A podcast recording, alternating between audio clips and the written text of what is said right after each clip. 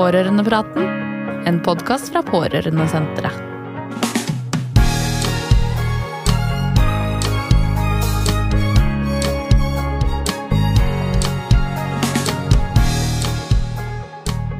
Av de mange tusen som hvert år gjør forsøk på å ta sitt eget liv, er noen foreldre til barn og ungdommer.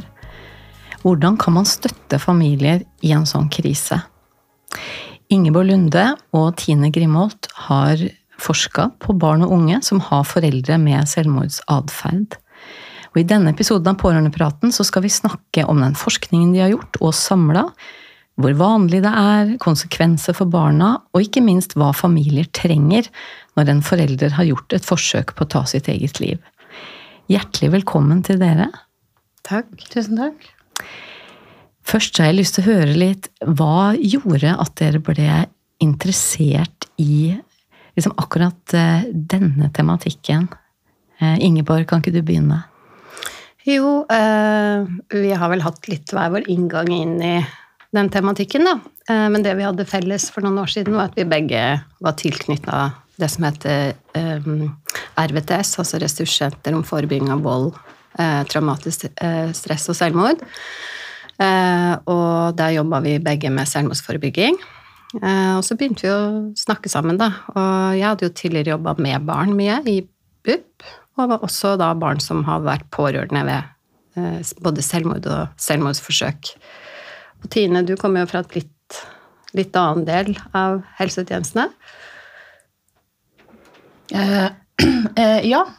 Eh, jeg gjorde et eh, doktorgradsprosjekt hvor vi fulgte opp pasienter etter at de hadde um, prøvd å ta livet sitt på, fra akuttmedisinske avdelinger.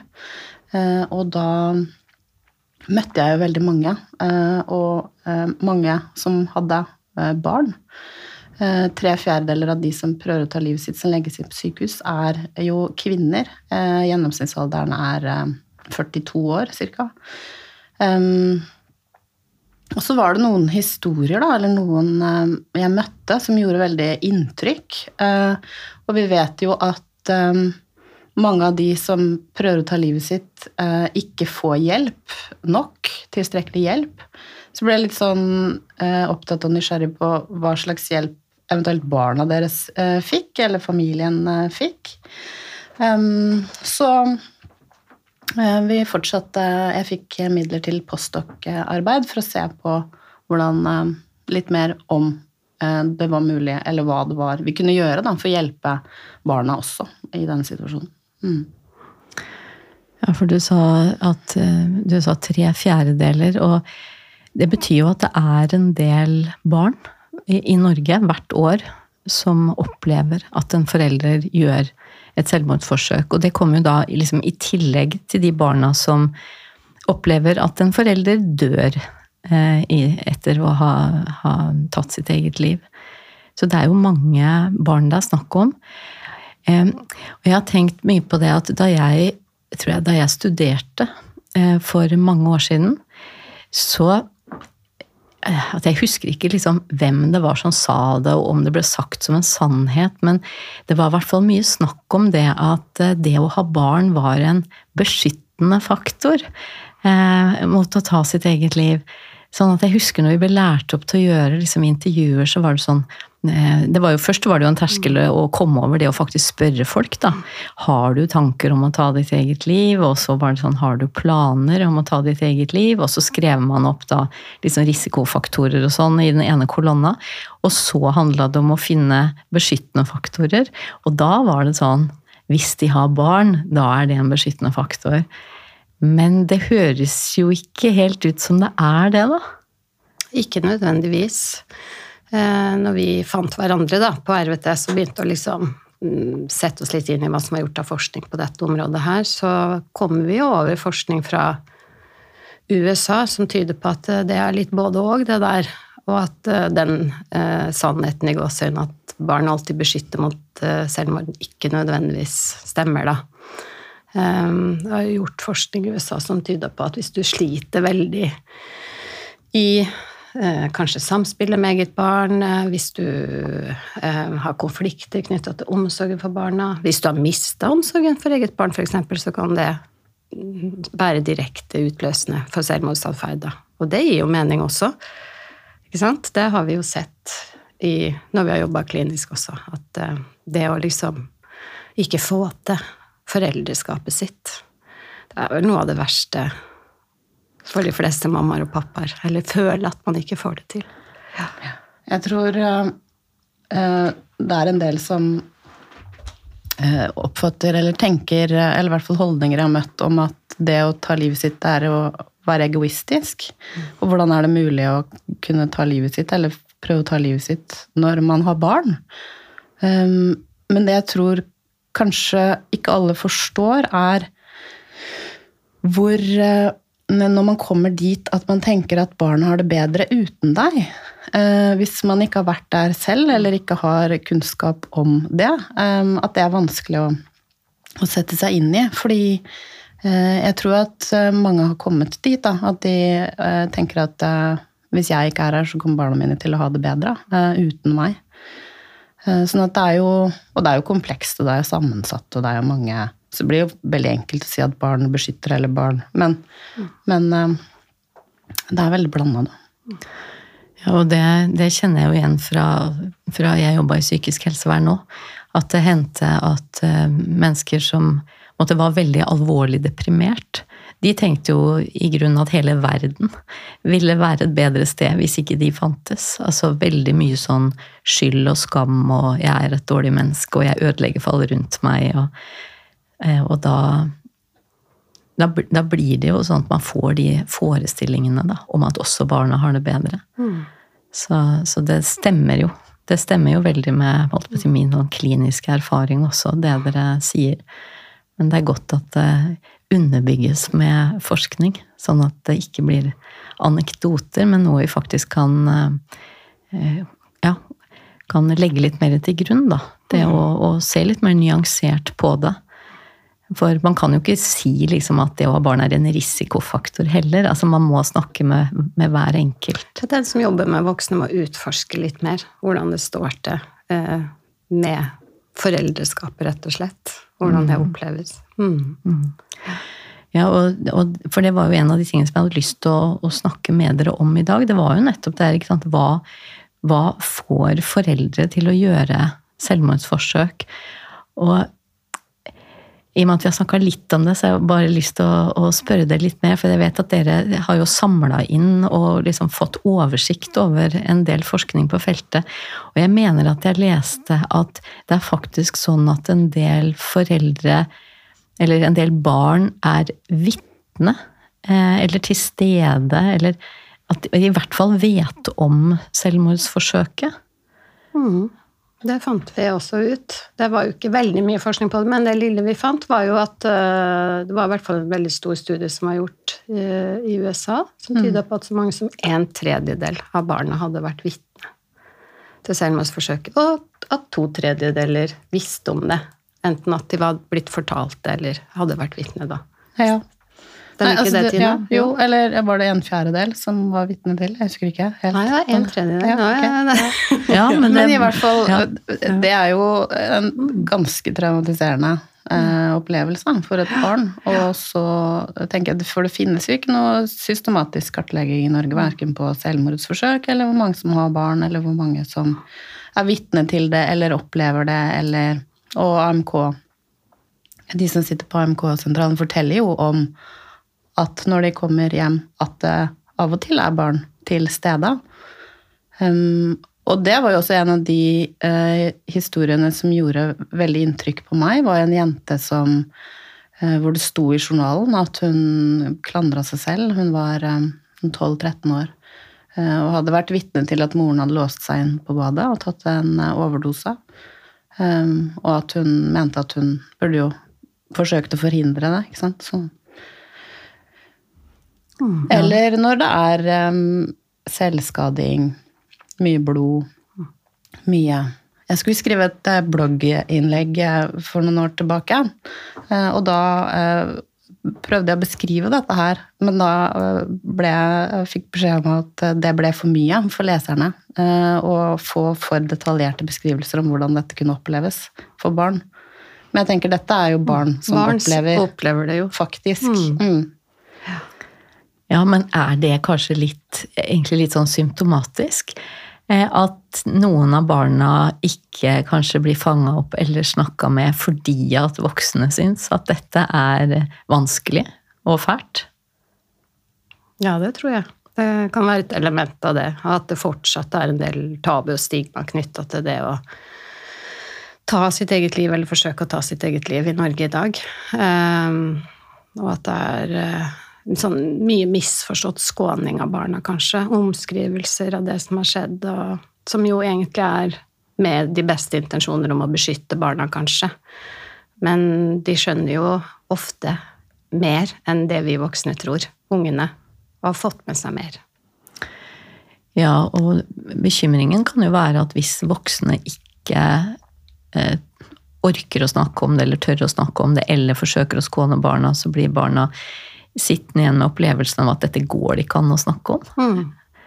For barn er jo for det første veldig lojale mot foreldrene sine.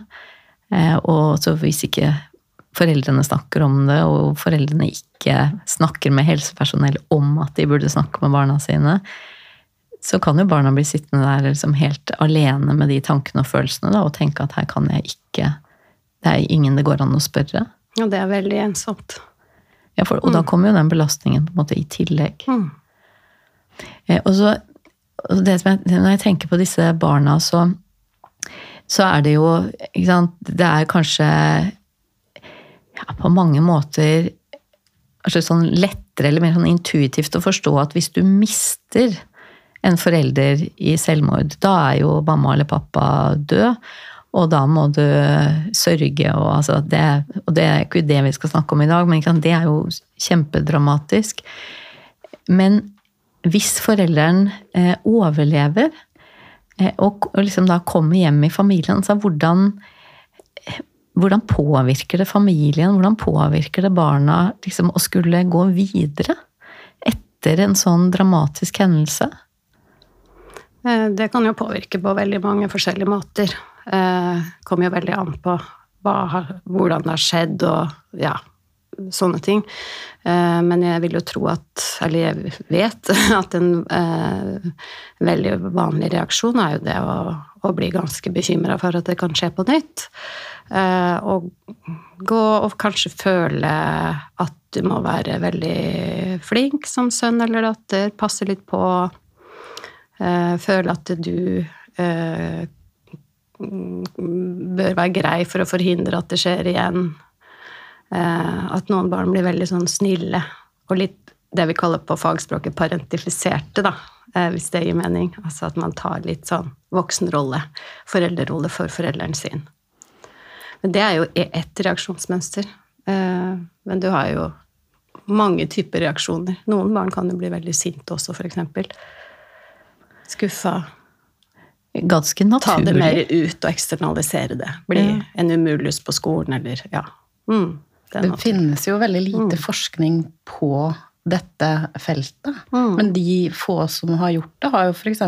fått frem dette her med at um, noen barn har sagt at de av og til skulle ønske at moren eller faren klarte det.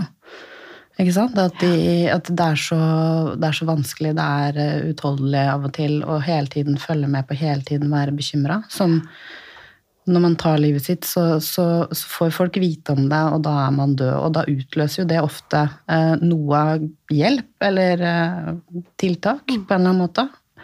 Men eh, når det er sånn at man ikke snakker om det, ingen spør, for ingen vet helt kanskje hva de skal si, fordi man man vet ikke hvilke svar man får, og foreldrene ikke snakker om det, og så kan det jo oppleves um, som Og det er derfor jeg tenker at det er så viktig å få frem mer kunnskap om nettopp hvordan barn barna har det, da. Både kortsiktig, men også eh, langsiktig. Vi intervjuer jo voksne nå som er eh, vokst opp med foreldre som har prøvd å ta livet sitt. En kvalitativ eh, studie. Kjempespennende. Um, hvordan det på en måte påvirker, ja, som du sier, skolegang. Eh, statistisk sett så er jo risikoen for å gjøre det dårligere på skolen høyere i denne gruppa. Sånne ting. Altså prøve å finne litt ut av hva er det som, som skjer. grave litt, eh, litt inn i de, disse risikofaktorene. Få litt mer sånn, sånn at man får litt mer kunnskap til å kunne snakke om og stille de riktige spørsmålene. Typ, er det sånn? Um, har, du, har, du, Noen tenker kanskje at uh, jeg skulle ønske at mamma faktisk klarte det, for jeg syns dette er så vanskelig. Er dette noe du har opplevd? Er dette noe du har tenkt? i møte med barna. Mm. mm. Ja, for, for, å kunne stille de riktige spørsmålene og gi den riktige um, oppfølginga, så er man jo nødt til å vite hva det er som er vanskelig. Fordi at eh, Sånn umiddelbart så kunne man jo kanskje tenkt at å, var det ikke bra at mamma overlevde? Nå, du har fremdeles mammaen din. Og så kan det være at barnet sitter med den opplevelsen av at ja, men det er så slitsomt å hver eneste dag komme hjem fra skolen og lure på hva som venter meg når jeg kommer hjem. Lever mamma, lever mamma ikke? Altså den derre usikkerheten. Så, så det, ja, det høres veldig, veldig viktig ut. Og det er jo bare en sånn gjetning fra min side, men jeg ville jo tro at det kanskje er liksom godt for de unge voksne å liksom endelig få lov å fortelle ting som de kanskje har båret inni seg i, i mange år. Sånn at selve forskningsprosjektet også er liksom noe bra for de som deltar, da. Hvordan opplever du det, Tine?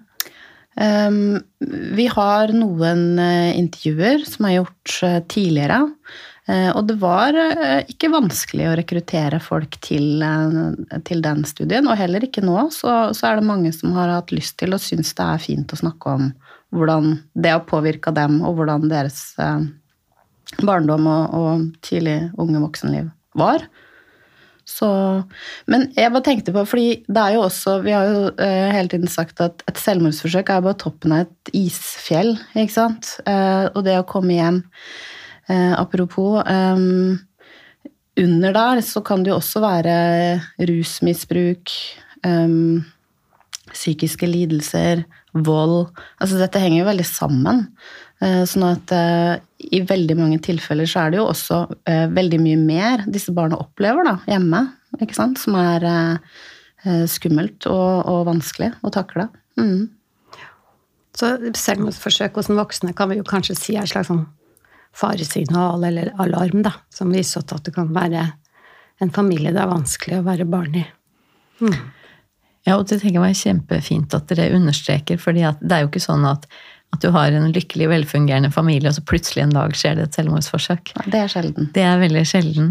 Så selv om det av og til selvfølgelig kan sånn tilsynelatende være litt sånn lyn fra klar himmel og sånn, så, så er det dere sier, er at man må ta Altså være oppmerksom på at det kan, det kan ha vært vanskelig for de barna, eller at familien har slitt liksom lenge og at da hjelper det jo ikke nødvendigvis bare å si, snakke om selvmordsforsøket. Da må man jo se på hvordan familien har det, mer sånn helhetlig. Nettopp. Eh, og det er jo litt av det som jeg har lyst til at vi skal gå over litt til å snakke om. Nå har vi snakka om at mange barn opplever at foreldre forsøker å ta sitt eget liv, og mange opplever da at foreldrene overlever. Eh, det er en potensielt stor belastning og påkjenning for barn, med potensielt store konsekvenser.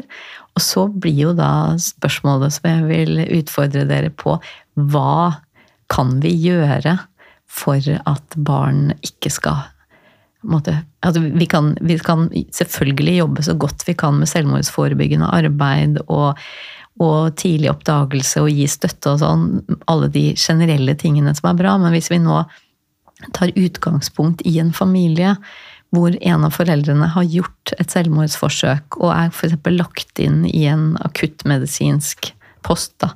Hvis vi tar det derfra, hva, hva kan vi gjøre for den familien? Ingeborg, vil du begynne, eller? Ja, jeg, jeg, vet ikke om det er jeg eller Tine som skal begynne, for Tine har jo jobba på akuttmedisinsk, men jo, vi har jo en plikt som helsepersonell et sånt sted å følge opp barn som pårørende. Undersøke om voksne har barn. Og jeg vet ikke, Tine, hva er din erfaring fra Ullevål når du jobba der? Ble det gjort, eller ble det gjort eh, godt nok, eller hva tenker du? Er det, er det, er det fort gjort å liksom ta litt lett på den biten når man jobber med den voksne? Jeg tror jo det er veldig mange flinke eh, klinikere på sykehusene som, som, tar tak i dette her og gjør noe. Men jeg tror jo at det er mange barn som har gått under radaren tidligere. Kanskje ikke så mye nå, fordi nå har det jo blitt mye mer fokus på det. ikke sant? Man har barneansvarlige på sykehusene. Mm, lovverket mm. kom på plass for noen år siden nå. Så, så det å fange dem opp og registrere det og det er jo én ting, eh, og det vet vi jo heller ikke eh, hva som skjer, hvor mange som, som fanges opp. Og, men det neste skrittet er jo så hva skal man gjøre? Og det var jo det vi eh, prøvde å finne ut da vi gjorde den litteraturgjennomgangen. Nå er vi i gang med å gjøre en ny for å se om det har Tiden går jo fort, dette var i 2016. Mm. Hva man kan gjøre. Men, men igjen så er jo de ulike familiene, de ulike pasientene har jo ulike um, behov.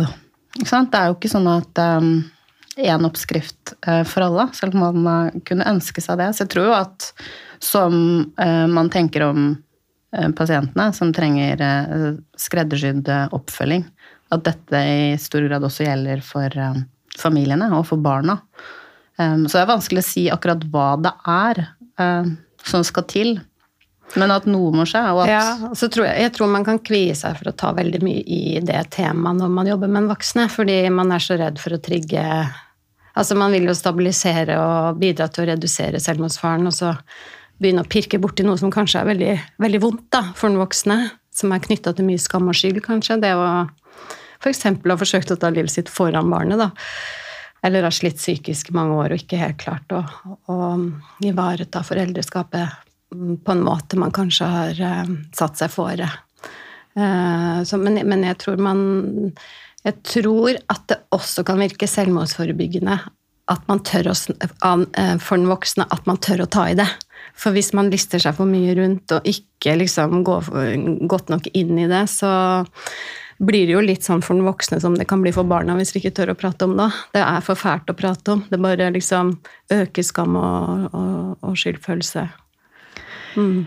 Ja, for hvis, jeg, hvis jeg, vi liksom bare ser for oss at det er en, en, en mamma da, som, som, har det vanskelig, og som har strevd en stund, og så gjør hun et forsøk på å ta sitt eget liv. Eh, noen ringer 113, hun kommer på, i et akuttmottak og overlever. Eh, og så dagen etter så kommer det noen og skal gjøre en selvmordsvurdering, og så sier hun det at eh, Nei, vet du, jeg, jeg angrer på det, eh, på det, jeg gjorde. Jeg kommer ikke til å gjøre det igjen. Da er det jo ikke sikkert man akkurat blir liggende på den akuttposten så veldig lenge. Kanskje skal man da reise hjem neste dag. Og liksom Hva og da skal jo den mammaen reise hjem til de barna som kanskje vet Kanskje var de som ringte 113. Så skal hun hjem. Og, og hvordan er det å, å, skulle dra hjem og møte barna sine liksom, altså, Hvordan kan man ruste den mora i dette eksempelet til å snakke med barna sine? For, for jeg er helt enig, man må jo gi langsiktig oppfølging og alt sånt, men jeg tenker at det er noe veldig konkret i det. At du skal reise hjem fra sykehuset, og så skal du gå inn døra. Mm. Og så skal du møte barna dine når de kanskje kommer hjem fra skolen. Og så vet du at de vet, og de vet kan man, liksom, Hvordan kan man ruste en mor til å få et godt møte med barna sine? Ja, For det første må du jo ikke være unnvikende selv. Det er det første jeg tenker. da, Å tørre, tørre å ta den praten med mor. Og så kanskje være helt konkret også. Uh, og, og hvordan, hvordan, tenker du det blir å møte dem igjen? Hvordan tenker du barna uh, Hva tenker du at barna tenker? Uh, hva kan du si? Hva kan du gjøre? Mm. gå helt konkret til verks. Men det kan jo hende at den voksne er veldig sånn unnvikende og ikke makter det, liksom. Og da er det jo dette med varslingsrutiner, og at vi liksom At uh, vi kan samarbeide på tvers av instanser og sånn i helsetjeneste og med fastlege og barnevern og dette her. Og der vi jo, har vi jo også, tenker jeg, kanskje en vei å gå, da. Ja, jeg tenker eh, igjen eh, tilbake til Det er mange flinke klinikere, eh, og også på sykehuset. sånn at jeg tror det har blitt mer og mer vanlig at barna kommer inn og snakker med enten en psykiater eller psykolog eller tilsyns liaisonstjeneste, f.eks. på akuttmedisinske avdelinger. At man kan snakke om det som har skjedd allerede på sykehuset. Eh, i noen tilfeller. Og så har jeg også litt eh, trua på mm, Bærumsmodellen, som jo har vært eh, etablert i veldig, veldig mange år, hvor det er lavterskeltilbud til de som skrives ut etter et selvmordsforsøk. For man ligger jo på sykehuset i gjennomsnitt halvannet døgn. Og det er jo klart at problemene løses jo ikke på, på det. Og man får i hovedsak medisinsk behandling. sånn at for de tilfellene så tror jeg at der hvor en helsesykepleier tilbyr seg å komme hjem og snakke med familien, eh, tror jeg f.eks. kan være et godt eh, tilbud. Dette er jo i mange tilfeller noe man kjenner fra Hele, altså som barna også har et eh, forhold til. da. Og så begynne der. Og så tror jeg selvfølgelig også at fastlegene kan være en stor ressurs for familiene, og at de trenger å bli informert, og at de Så igjen, det er jo eh, komplekst og sammensatt og hva man har eh, behov for, men at det er noen som kanskje holder tak i den behandlingen da, og oppfølgingen, og sørger for at Spesielt kanskje i de tilfellene hvor det ikke er en annen forelder eh, inne i bildet. Eh, at det er noen som koordinerer det og sørger for det og holder tak i det. Eh, også etter utskrivelse. Jeg har også veldig tro på det. At det er noen som er et slags nav for familien. Og det at en voksen som nettopp har forsøkt å ta sitt eget liv, skal liksom Som kanskje ikke har en partner, da, skal liksom være alene om det å snakke med barna og sånn. Det er ganske mye forlangt, liksom. Det er, eh, man trenger jo litt hjelp for å få det til. I de fleste tilfeller, vil jeg tro. Ja, og det som dere sier, er, eh, og som jeg hører fra Bærumsmodellen nå, at, at, man må, at man må være litt eh, aktiv. Altså, for Det går ikke an å si sånn 'ring hvis det er noe'. altså, man må, man må, ha noen sånne konkrete tiltak og litt sånn 'nå kommer det noen hjem til dere om to dager', og altså At, at det ikke er sånn derre vil du ha hjelp, men at man på en måte presenterer det litt som at dette er lurt. Det er jo litt det som skjer etter uh, fødsel, f.eks. At helsesøster kommer på hjemmebesøk i veldig mange bydeler og kommuner. Mm. Mm. Ja, fordi det som, som jo er um, også viktig å vite, er jo at uh, vi gjorde en uh, oppfølgingsstudie av pasienter etter det ble skrevet fra sykehuset. En kvalitativ studie altså hvor man kunne skrive litt sånn hvordan man opplevde det etter tre og seks måneder. Og det ble tittelen på den ene artikkelen som heter 'Man må være frisk og ressurssterk for å være alvorlig syk'. Og det er jo nettopp det som er et av hovedproblemene til i hvert fall denne pasientgruppa, at man vet ikke hvor man skal be om hjelp. Man kjenner ikke helsevesenet så godt som jo vi gjør, som, som jobber der selv og vet. Ehm, det var jo det var en som sa til meg jeg vet ikke hva DPS er, jeg vet ikke forskjellen på en psykiatriker og en eh, psykolog. Altså, jeg aner ikke.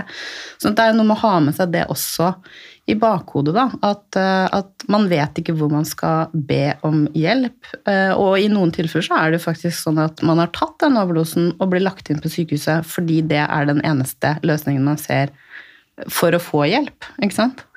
Sånn at um, igjen, hvor viktig det er og at det er noen som følger opp tett også etter utskrivelse. Ja, og det du sier er jo et argument for at det skal være altså lett tilgjengelig Eh, hjelp, da. Altså at eh, si, Hvis alle kommuner hadde liksom en telefon man kunne ringe For nå, altså Noen kommuner har jo det. Har jo sånn én vei inn, og nesten samme hva det er, så ringer du et nummer, og så får du hjelp. Mens eh, man kan jo også av og til oppleve det der at du ringer et sted, og så er det noen som sier nei, da er det ikke meg du skal snakke med. Du må ringe et annet nummer, og så hvis man da har det skikkelig vanskelig, så er det kanskje litt begrensa hvor mange nummer man gidder å ringe før man, eh, man gir opp.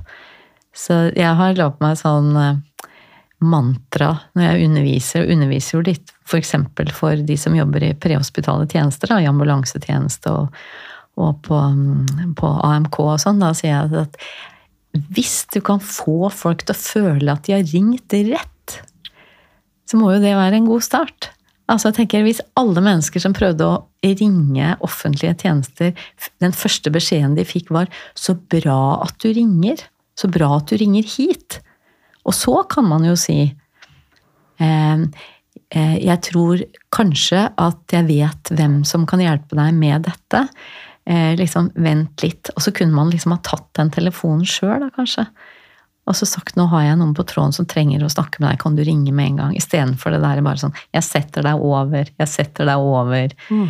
Eller åpningstida er 9 til 11, 1 til 3. Altså det er ikke så lett, altså. Og likevel så sier vi jo hele tida be om hjelp, ta kontakt, snakk med noen. Mm.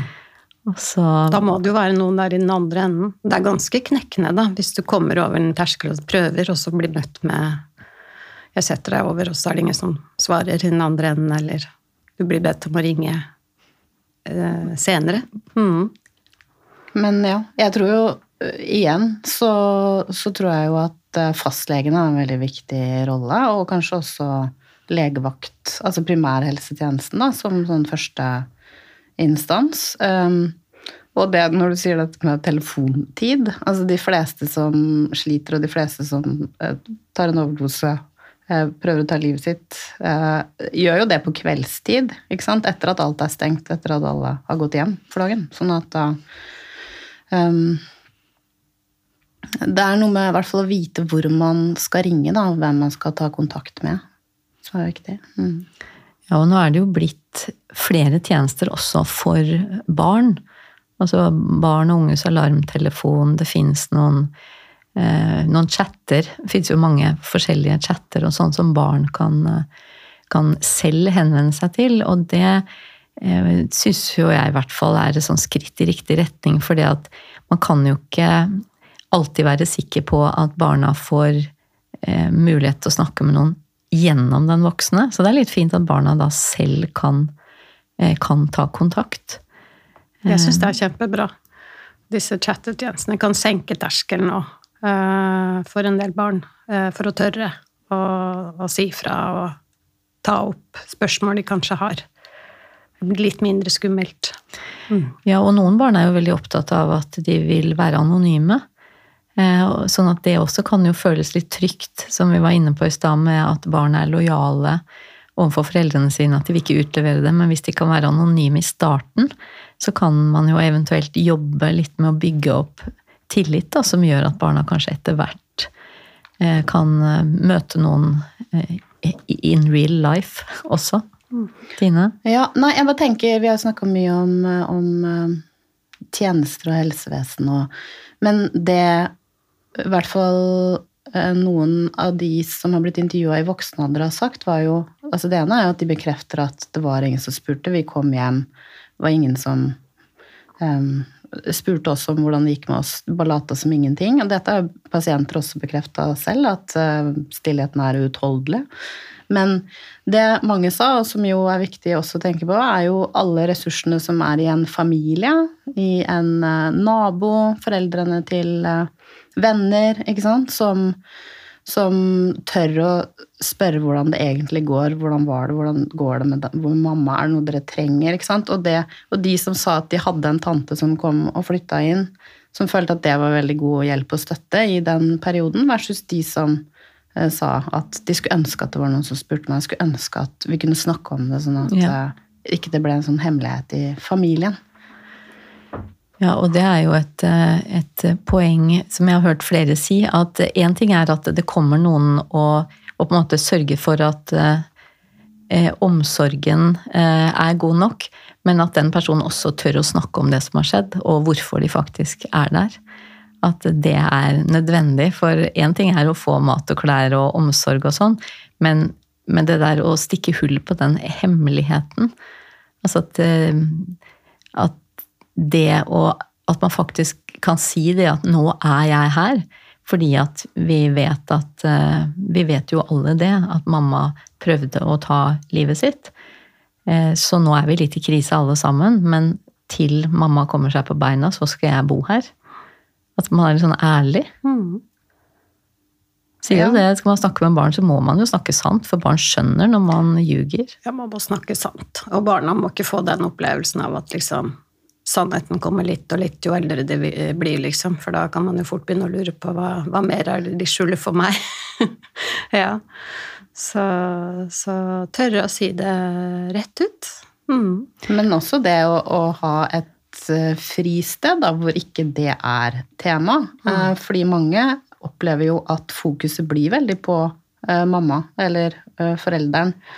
Ikke sant? Sånn at de setter sin egen barndom på, på hold, på vent, eh, fordi alt i familien dreier seg om eh, Noen har jo fortalt at eh, dette varer jo ut i ikke sant? Så når da foreldrene endelig dør, i anførselstegn endelig, så er det en befrielse. Ikke sant? Fordi, fordi hele barndommen, hele vokselivet, har på en måte handla om det. Men så som jeg tenker på, mange sier jo det at det å eh, spille fotball, det å drive med idrett, det å på en måte ha et fristed hvor kanskje treneren vet om det, men allikevel ikke trenger å snakke om det hele tiden også.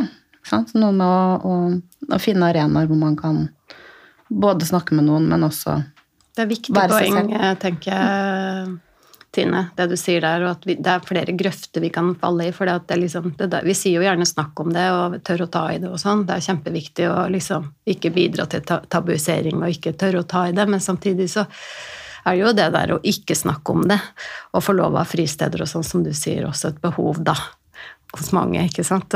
Få slippe å tenke på det og bare føle seg normal og ja, glemme det litt. Ja, Og det som gjelder si, mange barn som er pårørende, da, det er at de, altså de eh, lever jo livene sine parallelt eller samtidig med at alt dette skjer. Og alt i en ungdomsliv handler jo ikke om foreldrene. Eh, Sånn at eh, det- også ikke på en måte tolke alt som foregår med, med ungdommer som et uttrykk for det som skjer med foreldrene. Men at man kan faktisk ha, man kan ha kjærlighetssorg, og man kan bli mobba, og man kan ha det Man kan være forelska. Altså, alt mulig skjer jo samtidig. Sånn at man også er litt sånn At man klarer å se hele livet til barna. Da. At ikke det bare At ikke barnas oppvekst defineres av det som skjer med foreldrene. Det Kjempeviktig poeng, tenker Ja, jeg. det er jo sånn med Love Actually. Han som er så lei seg for å miste moren. Men han er ikke, det er ikke der så det. Ja, for han er jo egentlig stemmer, han er jo lykkelig forelska. Ulykkelig forelska, ja. Ja, det er et veldig godt eksempel. Så ja. Nei, jeg tror, jeg, jeg tror eh, jo at det å på en måte, når, når det er sånn som det er eh, Det å få opp andre ressurser også rundt, da, ikke sant. Støtte opp om det som er bra. Um, hva man kan gjøre for å hjelpe. Typ kjøre på trening, bidra eh, med ikke sant? Skape gode minner. Få opp alle de ressursene og gode vennene, familie. Sånne ting som er rundt. Altså, noe skal sikkert behandles naturlig nok i, i helsevesenet, og i både primær og sikkert en del tilfeller spesialisthelsetjenesten, men jeg tror jo at det er viktig Man snakker jo om 'it takes a village to raise a child'. Sant? Nabo, nabokona som følger med, eller venninna som er der og støtter, eller ja. Og den type helhetlig blikk på familien, da. Det tenker jeg f.eks. en fastlege kan ha. Hva tenker du, Tine? Ja, nei, dette er jo I noen tilfeller så er det jo sånn at fastlegen har fulgt barna fra de mødrene var der på svangerskapskontroller, ikke sant? og kjenner hele familien, kjenner til hva som er utfordringer. Ja, og der kan det jo være sant, forskjellig, og det som også går igjen, er at for barna så spiller det jo for så vidt ingen rolle eh, hvilke voksne som bryr seg. Altså om det er en nabo, eller om det er en fastlege, eller om det er læreren, eller om det er fotballtreneren. Altså akkurat hvem det er, og hva slags utdanning eh, folk har, det er jo mindre viktig enn at det er noen som eh, bryr seg, og som kan gi barna opplevelsen av å måtte bli sett og lytta til og, og tatt på alvor, og som også kan gi barna altså For det som jeg tenker på, er at i en sånn krise, eh, når, når det skjer noe sånt i en familie, så er det jo også en slags sånn tillitskrise. Altså for, for barna så er det sånn Kan vi stole på voksne? Eh, og det er jo et godt spørsmål, eh, men hvis det da er andre voksne også, eh, og kanskje besteforeldre, tanter og onkler, altså det kan være hvem som helst, men vil jo da kunne måtte, reparere litt eller bidra til å vise at det er voksne det går an å stole på. Og, og gi barna opplevelsen av at, at det er mange bra folk i verden. At det kan være en, en sånn, også en sånn si, positiv bieffekt. Det er reparerende. Mm. Mm. Og hælene i en sånn situasjon. Og jeg tror det er viktig å ikke patologisere for mye også, og liksom tenke at alle disse barna måtte en eh, skolepsykolog eller eh, en profesjonell. Og at det, i mange tilfeller så foretrekker kanskje barna eh, mammaen til en venn eller læreren eller lederen på fritidsklubben og de kan fungere like bra i mange tilfeller. Ja, for det Nå har vi jo snakka veldig mye om eh, hvor dårlig det kan gå, eh, tenker jeg. Men det er jo også viktig å si at for noen, så, så og de aller fleste, klarer seg jo veldig, veldig bra.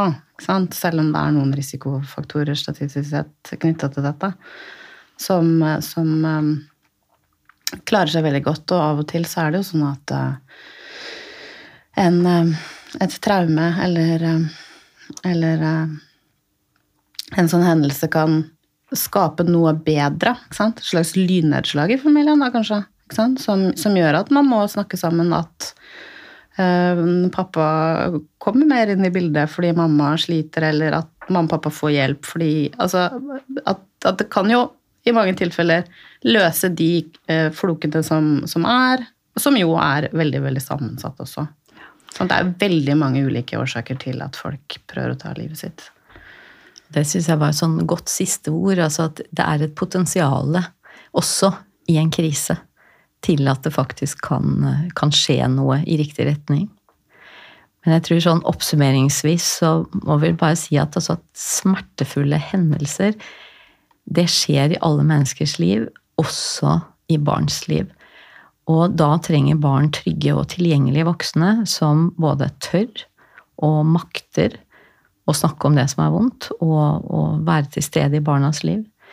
Og jeg har lyst til å si tusen takk til dere, Ingeborg Lunde og Tine Grimholt, for alt det viktige arbeidet som dere bidrar med for eh, barna og for familiene. Og tusen takk for at dere gjesta Pårørendepraten i dag. Tusen takk for at vi fikk komme. Tusen takk. Du har hørt Pårørendepraten, en podkast fra Pårørendesenteret. Du finner flere episoder og ressurser på hjemmesidene våre pårørendesenteret.no, pårørendeprogrammet.no og ungepårørende.no. Podkasten finner du også på de fleste steder der du lytter til podkaster.